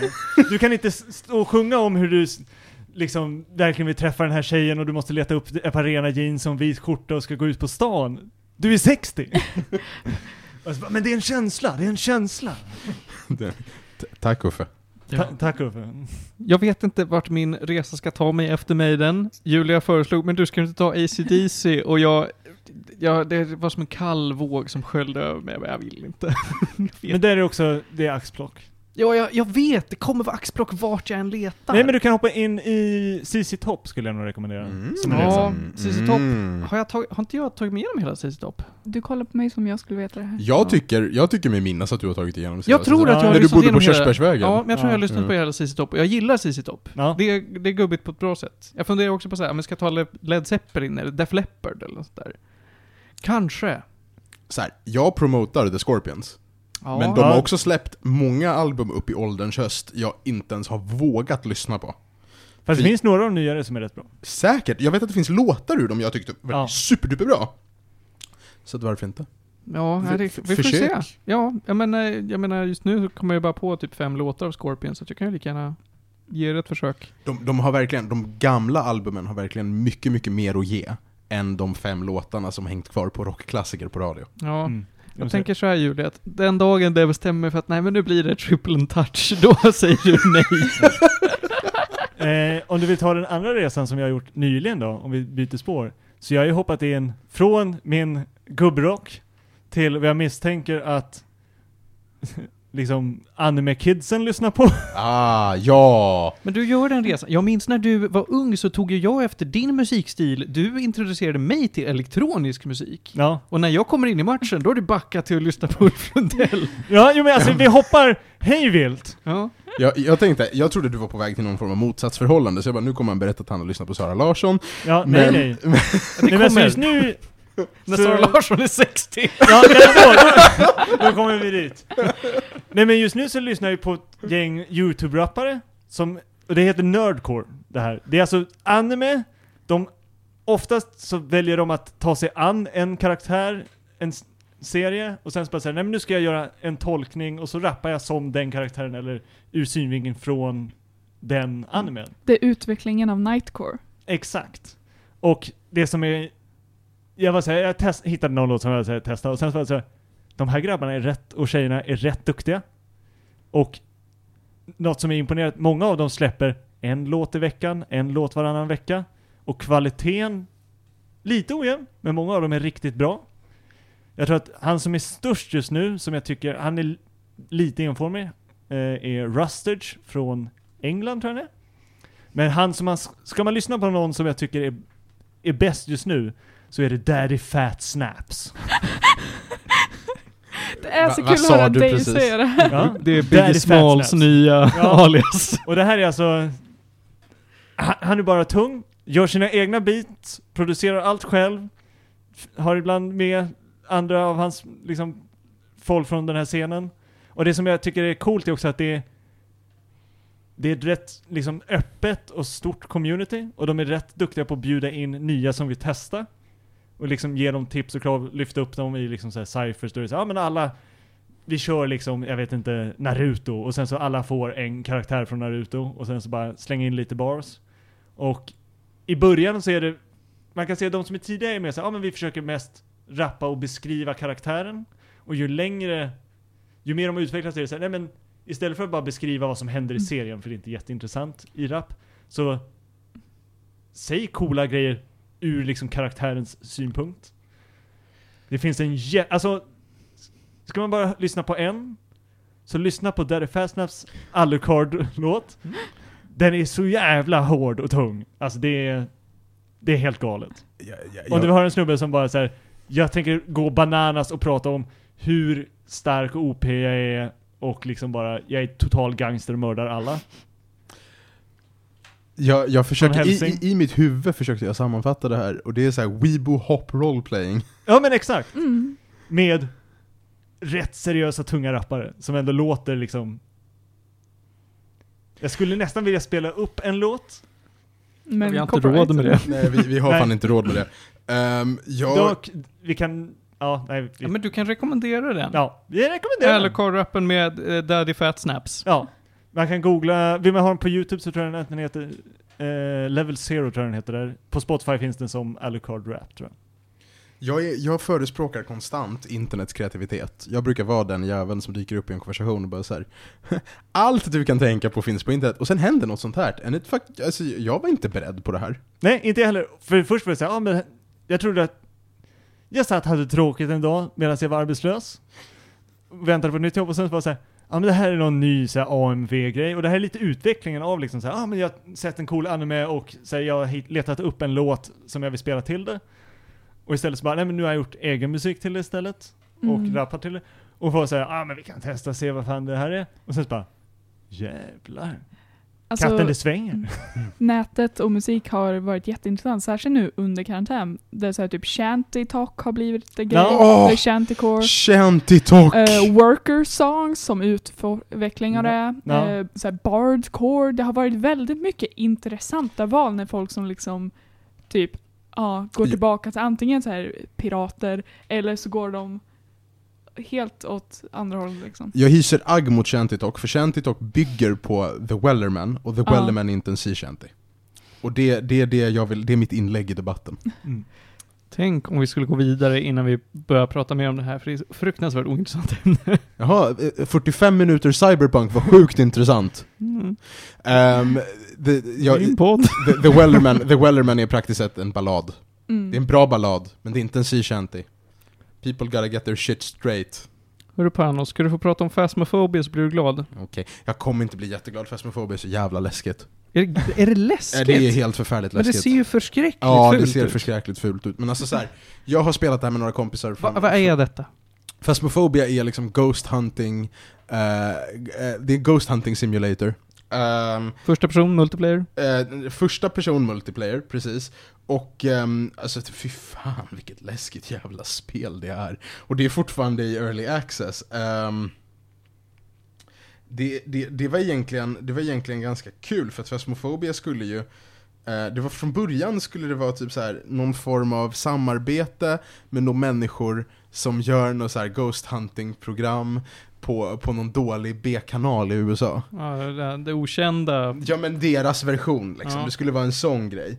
Eh, och så, och De vill sen, göra Buzzfeed Unsolved eller vad den heter. Ja men typ. Mm. Och så var de här, de, det var ganska roligt för att de här, eh, de här människorna som gör det här Ghost Hunting-programmet i USA backade ut ur projektet för att de bara 'Ni vill göra det här för läskigt' Ehm, ehm, Det är liksom, på vårt program ser man aldrig några spöken, man bara nej men det, Nej, men det är mycket så här. det är dålig energi här. Det här Ja, känner du? Riktigt dålig energi. Exakt, Är det ett spöke? Nej, det är bara energi. Hade det varit ett spöke hade jag sagt att det fucking var ett spöke.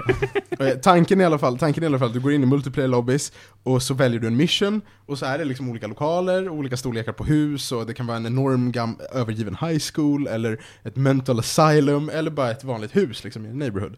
Man får vara hemma hos en kvinna i Laholm Nej, man kommer inte få vara hos en kvinna. i en trapp. trapp i Laholm. Nej, faktiskt inte. Det är ingen dålig... Jo, det kan vara dålig energi i en trapp. Jag tar tillbaka Ja. det.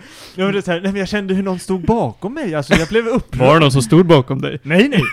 Men Skillnaden, det kändes så. skillnaden, skillnaden här är ju att här är det ju någon som står bakom dig. Eh, spelet är... Spelet, spelet är, spelet är svinmörkt.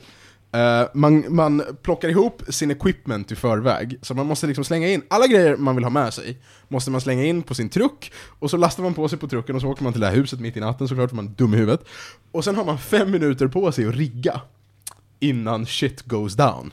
Och vad är the shit som goes down? Alltså the, the shit som goes down är att det börjar, alltså haunting begins. Mm. Och du har liksom, du, du har sanity, och sanity går ner ju mer tid du spenderar i mörker. Precis Okej. som i uh, Precis. Amnesia. Precis Ja. som i Amnesia. Och, och grejen är att du kan liksom inte ha för mycket ljus igång inne i huset, för då faller strömbrytarna och spökena släcker ljuset. I alla fall, they make you go insane. Och ju mer insane du är, desto mer spökskit händer. Och det här spelet håller på, det håller på med så voice activated commands, så du kan prata till spöket. Fan. Så då säger du, och, och all kommunikation mellan spelare sker proximity-based voice. Så att du har coolt. en knapp för att proximity-based prata med, med dina kompisar eller spöket, och en knapp för en jättedålig walkie-talkie. Och det är så du kommunicerar med dina medspelare och med spöket. Eh, du brukar ha fått spökets namn i förväg, och så ska du in och så kan du liksom provocera fram det lite grann. Och så har du massa, så du kan ju köpa massa equipment, du kan köpa kameror och liksom böcker. Ja, och... men så, I målet att försöka filma ett avsnitt. Ofta får du, nej nej nej, utan ofta får du, du får några objectives. Ja. Få det här spöket att gå genom salt. Få det här, eh, record temperatures under 10 degrees. Eh, ta ett foto på smutsigt vatten, typ. nej men alltså på riktigt. Och sen är det Ja, ja. alltid head objective, identifiera typen av spöke. Ah, okej. Och så har du en Ghost Journal, och där ska du gå in och föra liksom journal på vilka clues du har hittat, och försöka ta reda på vilket spöke det är. Och så ska du ta det ut levande. Oh, den, den lilla detaljen. Exakt, och, och de här spökjävlarna blir ju, efter en viss punkt av sanity, blir de aggressiva. Jag har inte spelat ett enda mission där inte någon av oss har dött. och det är så satans jävla läskigt. För att det är så här procedurally, alltså det är procedurally generated, men det lyckas ändå vara läskigt varenda jävla gång. För att de dyker upp, och man vet inte var de kommer dyka upp ifrån, och man vet inte vad det är man kommer höra gå genom ryggraden på en i hörlurarna innan de dyker upp. Alltså det är verkligen så här, den gör allt för att freaka ur en. Um, och det, det är helt fantastiskt. Alltså jag har, det, det här är så läskigt att jag på riktigt har drömt en mardröm om det här. Och jag har inte drömt några drömmar jag kommer ihåg sedan jag var åtta år gammal. Så att det här, är, det här spelet är, det gör det det ska göra. Och det är Ja, men, och det jag tycker också är coolt är att den kombinerar två persontyper. För, den här förberedelsegrejen av Ja. någon så här studiotekniker, liksom roadie-grejen. Att ah, vi ska in, rigga kamerorna, fixa allting. Strategitänket. Ja. Ja, och sen Ja. så bara, de personerna brukar inte uppskatta randomness, läskigheter och hela den biten. Så det är en väldigt läcker kombo. Nej men alltså det absolut värsta jag har varit med, det finns en bana som är eh, en gammal fängelse. Och det gamla fängelset har redan en massa kameror. Det har typ 22 kameror. Ja. Så att en person kan stå i trucken och kolla night vision på dem. Och så har man sina kamrater där inne, som liksom är mitt i the fucking hun- hunting. Och varje gång man ser att någonting börjar hända runt om, då kapas ju såklart walkie-talkien.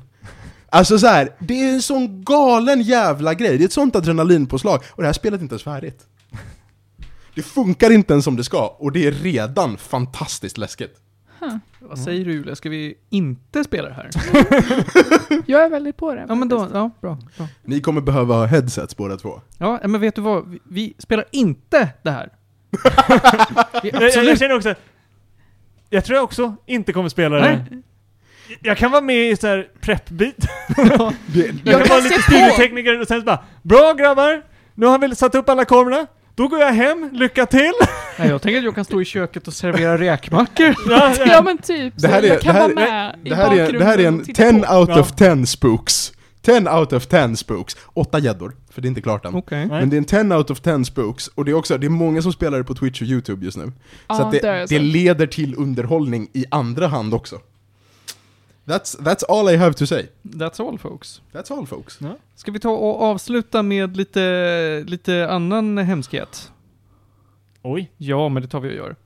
Låt mig prata om 1111 Memories Retold. Mhm. Som är ett spel som jag tror att jag fått gratis på Steam in, under någon giveaway eller någonting.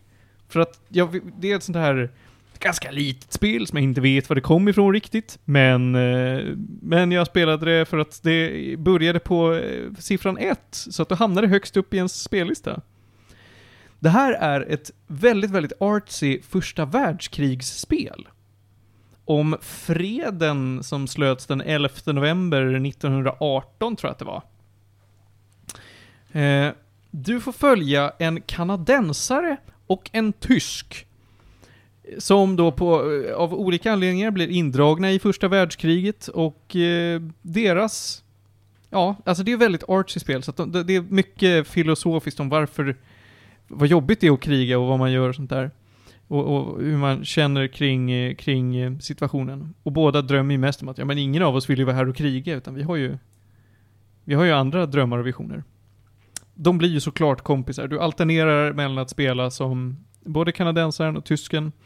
Eh, genom då en ganska lång och väldigt fin historia måste jag ändå säga. Eh, som är en... Nu ska jag tänka efter så jag säger rätt här. Det är en tredje persons lite pusselspel med mycket så här walking simulator, hej hå.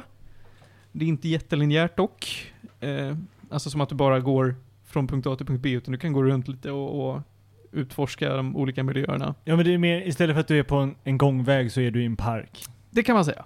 Eh, du Men, har en hel park att gå i. Ja, det kan man säga. Det, det är absolut. Om du byter ut park mot kyrkogård där det ligger kroppar överallt, och, eller Ja, men, eh, skyttegravar eller vad det kan vara. Ja. Men ja, du har helt rätt. Det, är, det som sticker ut mest här är två saker. Först och främst så är det artstylen. För att jag tycker att den är jätte, jätte, jätteful. Den är väldigt, väldigt enkel, ser ut att vara ritad med pensel och Det ska Allt- vara impressionistic liksom. Ah, okej, ja. där, jag rekommenderar alla där hemma att googla ett valfritt videoklipp från 1111 så att 11-11 Memories Retold. Inte ens när jag spelat klart spelet efter typ 8 timmar så har jag vant mig vid det, för det ser för jävla fult ut.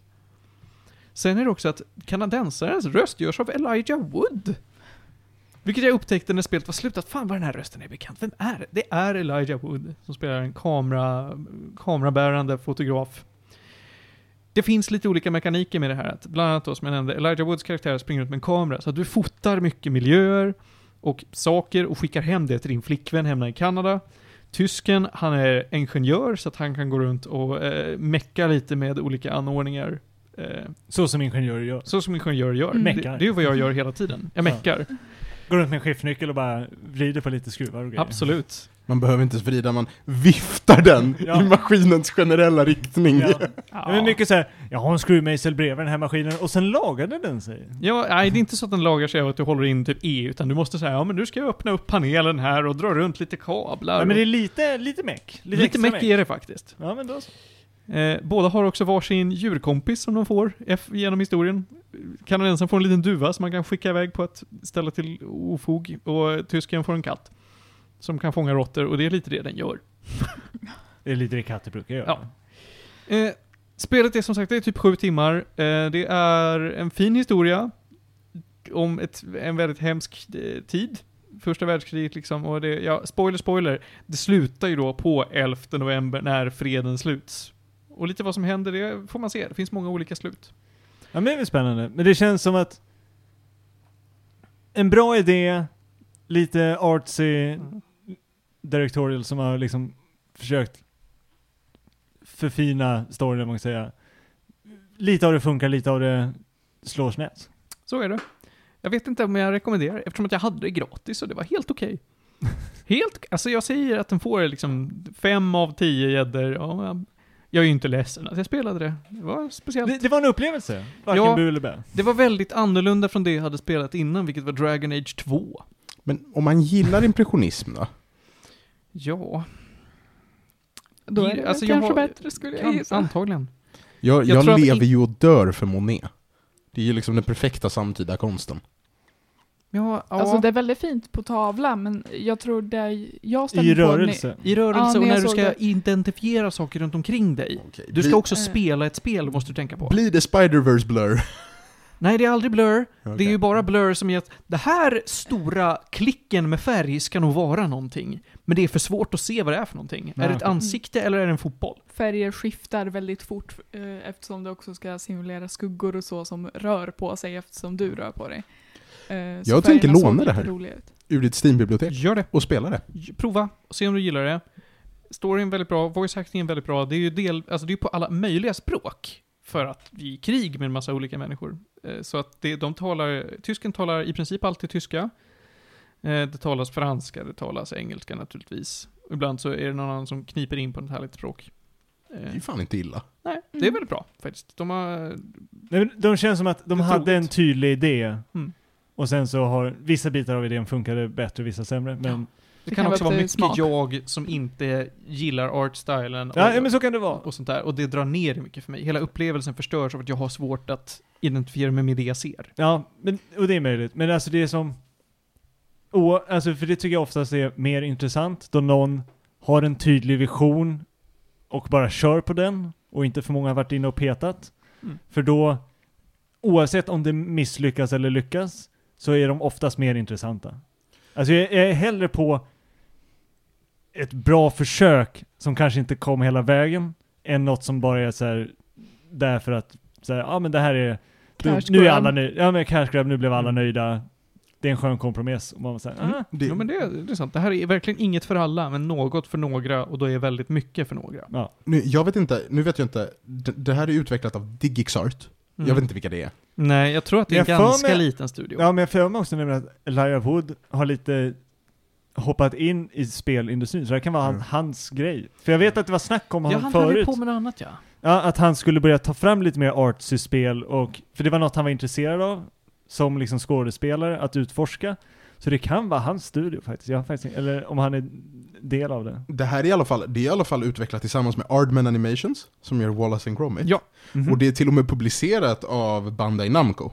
Så att Mm. det är ju just liksom, det, det var det. Ja. Var en stor publicerare bakom för att vara ett, ett spel man inte har hört om så är det ju inte jättelitet. Det är Det är intressant. inte helt men- liksom. Mm. Eh, Och det är därför jag misstänker att i studion måste det finnas några rätt stora namn, så att en stor publicist är så här, nej men vi litar på att slänga ut det här åt er. Det, det ser bra ut i portfolien liksom. Mm. Ja, Spännande. Ja. det var det. 11-11 Memories Retold. Pr- kolla på det. Gillar ni inte vad ni ser, då är- kommer det vara svårt att spela Ja. det. Jag kan göra en lätt övergång bara, för att vi nämnde att jag skulle prata om det. Jag har inte jättemycket att säga Men, då. men vet du vad jag, är det kontroll? Ja, För jag tänker så här, jag är fortfarande på G med det. ja. Hälsa på oss nästa avsnitt. Och så Ja. pratar vi om det ordentligt. Ja, jo, men det tror jag är bättre, för att det, det finns mycket att säga om det. Så vi kan, vi, vi kan göra en tease till Mm, mm, att mm, mm, mm. är ni intresserade så relativt nyligen så släppte de sin liksom Game of the Year Perfect Edition specialen, Mm. som vi sa innan. Och eh, jag tyckte att det var bra. Och också lite så här art style-aktigt att de, de testar andra grejer. Tycker man om X-Files och lite åt det hållet, Twin Peaks, så eh, kika in och så tar vi ett djupdyk in i det abyss nästa gång liksom. Det gör vi. Vi ska avsluta med veckans tre snabba, hörni ni. Det är så här att eh, den här veckan så har vi i vanlig ordning en, eh, någonting vi ska titta på, något vi ska lyssna på och något som vi kan spela. Och först då, Julia, jag och Ted som har varit här några gånger nu. Vi har spelat väldigt mycket Bloons Tower Defense 6. Det är ju stabil. Bloons Tower Defense är ett gammalt Flash-spel man kunde spela lite var som helst och de har fortsatt att trycka på grejer. Sexan nu, ligger på Steam. Väldigt trevlig. Finns mycket Mm. man kan göra. Eh, många apor, många eh, externa mekaniker som gör att det liksom är värt att spela länge. Fruktansvärt mycket banor. Det är nice. Mm, de har lite challenges, de har co-op, vilket är extremt kul. Ja, det är Mm. väldigt trevligt. Man kan spela Mm. flera. Så att den eh, får en tumme upp. Sen också då vill jag säga att det man ska lyssna på, jag nämnde det tidigare, men jag tyckte att Garage Inc. av Metallica var en väldigt, väldigt bra coverplatta. Den Nej. rekommenderar jag. Kanske ingenting för de som är de största Die Hard Metallica-fansen, för att det soundet är så annorlunda. Men jag gillade det. Eh, slutligen då, så såg vi, eh, det, det, det, ja, det var väl i förrgår bara, som vi tittade på Toy Story 4. Som hade, den, den har ju varit ute ett tag nu, men inte ute så länge i Sverige ändå. Nej, jag hade lite missat att den hade kommit utanför staterna. tror jag. Ja. Men Den Det släpptes sent sedan, 2019 tror jag. Ja, Så det men var den, såhär, den kom innan covid. ja men Ja. precis, men jag tror att den lite gled under radarn som brukar ja, det säga. hände mycket Mm. annat. Men nu satte vi oss ner och tittade på den och jag har hört väldigt blandat om den alltså. Från, från kritiker. Vissa tycker att ja, men den var helt OK. Andra tyckte att den var riktigt skräp. Jag tyckte den var bra. Jag ger den ändå en stor tumme upp. Jag tyckte att Toy Story 4 var en, en bra film. Inte bara liksom en bra Toy Story-film. Panos, du tittar på mig med skeptiska ögon. Jag är jätteskeptisk, men det... det Men har du också sett den? nej, jag Nej. gillar bara inte sequels. Nej, jag förstår. Mm. Har du sett trean? Ja, det har jag. Var det en dålig sequel? Ja, Oj. det var absolut inget att hänga i julgranen. Oj.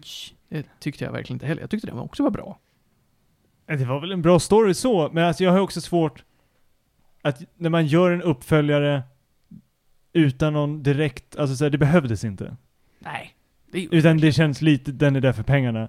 Sen, det är en väl, jag skulle säga att det är en bra film så, men jag hade inte behövt den.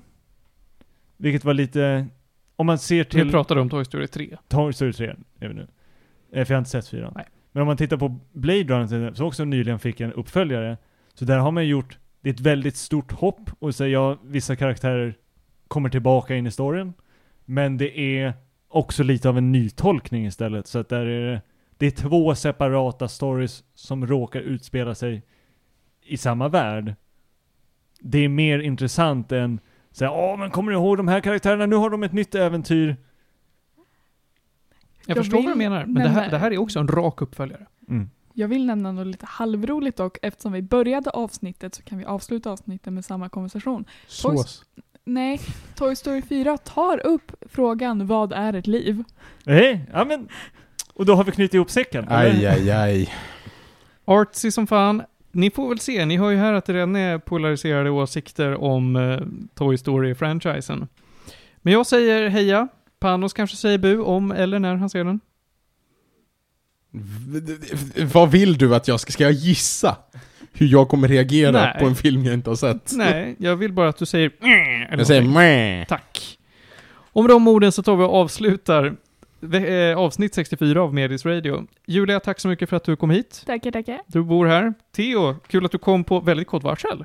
Ja men jag, jag kastade mig hit i snöstormen. Den pla- Mm. platoniska definitionen av en instickare. Ja men verkligen. Men ibland så behöver man. Ja, men Man visst. behövs. Du ställer upp för din lillebror. Ja men precis. Och Panos. Tack för idag! Ja, tack för idag. Puss och kram allihopa och nyp i stjärten.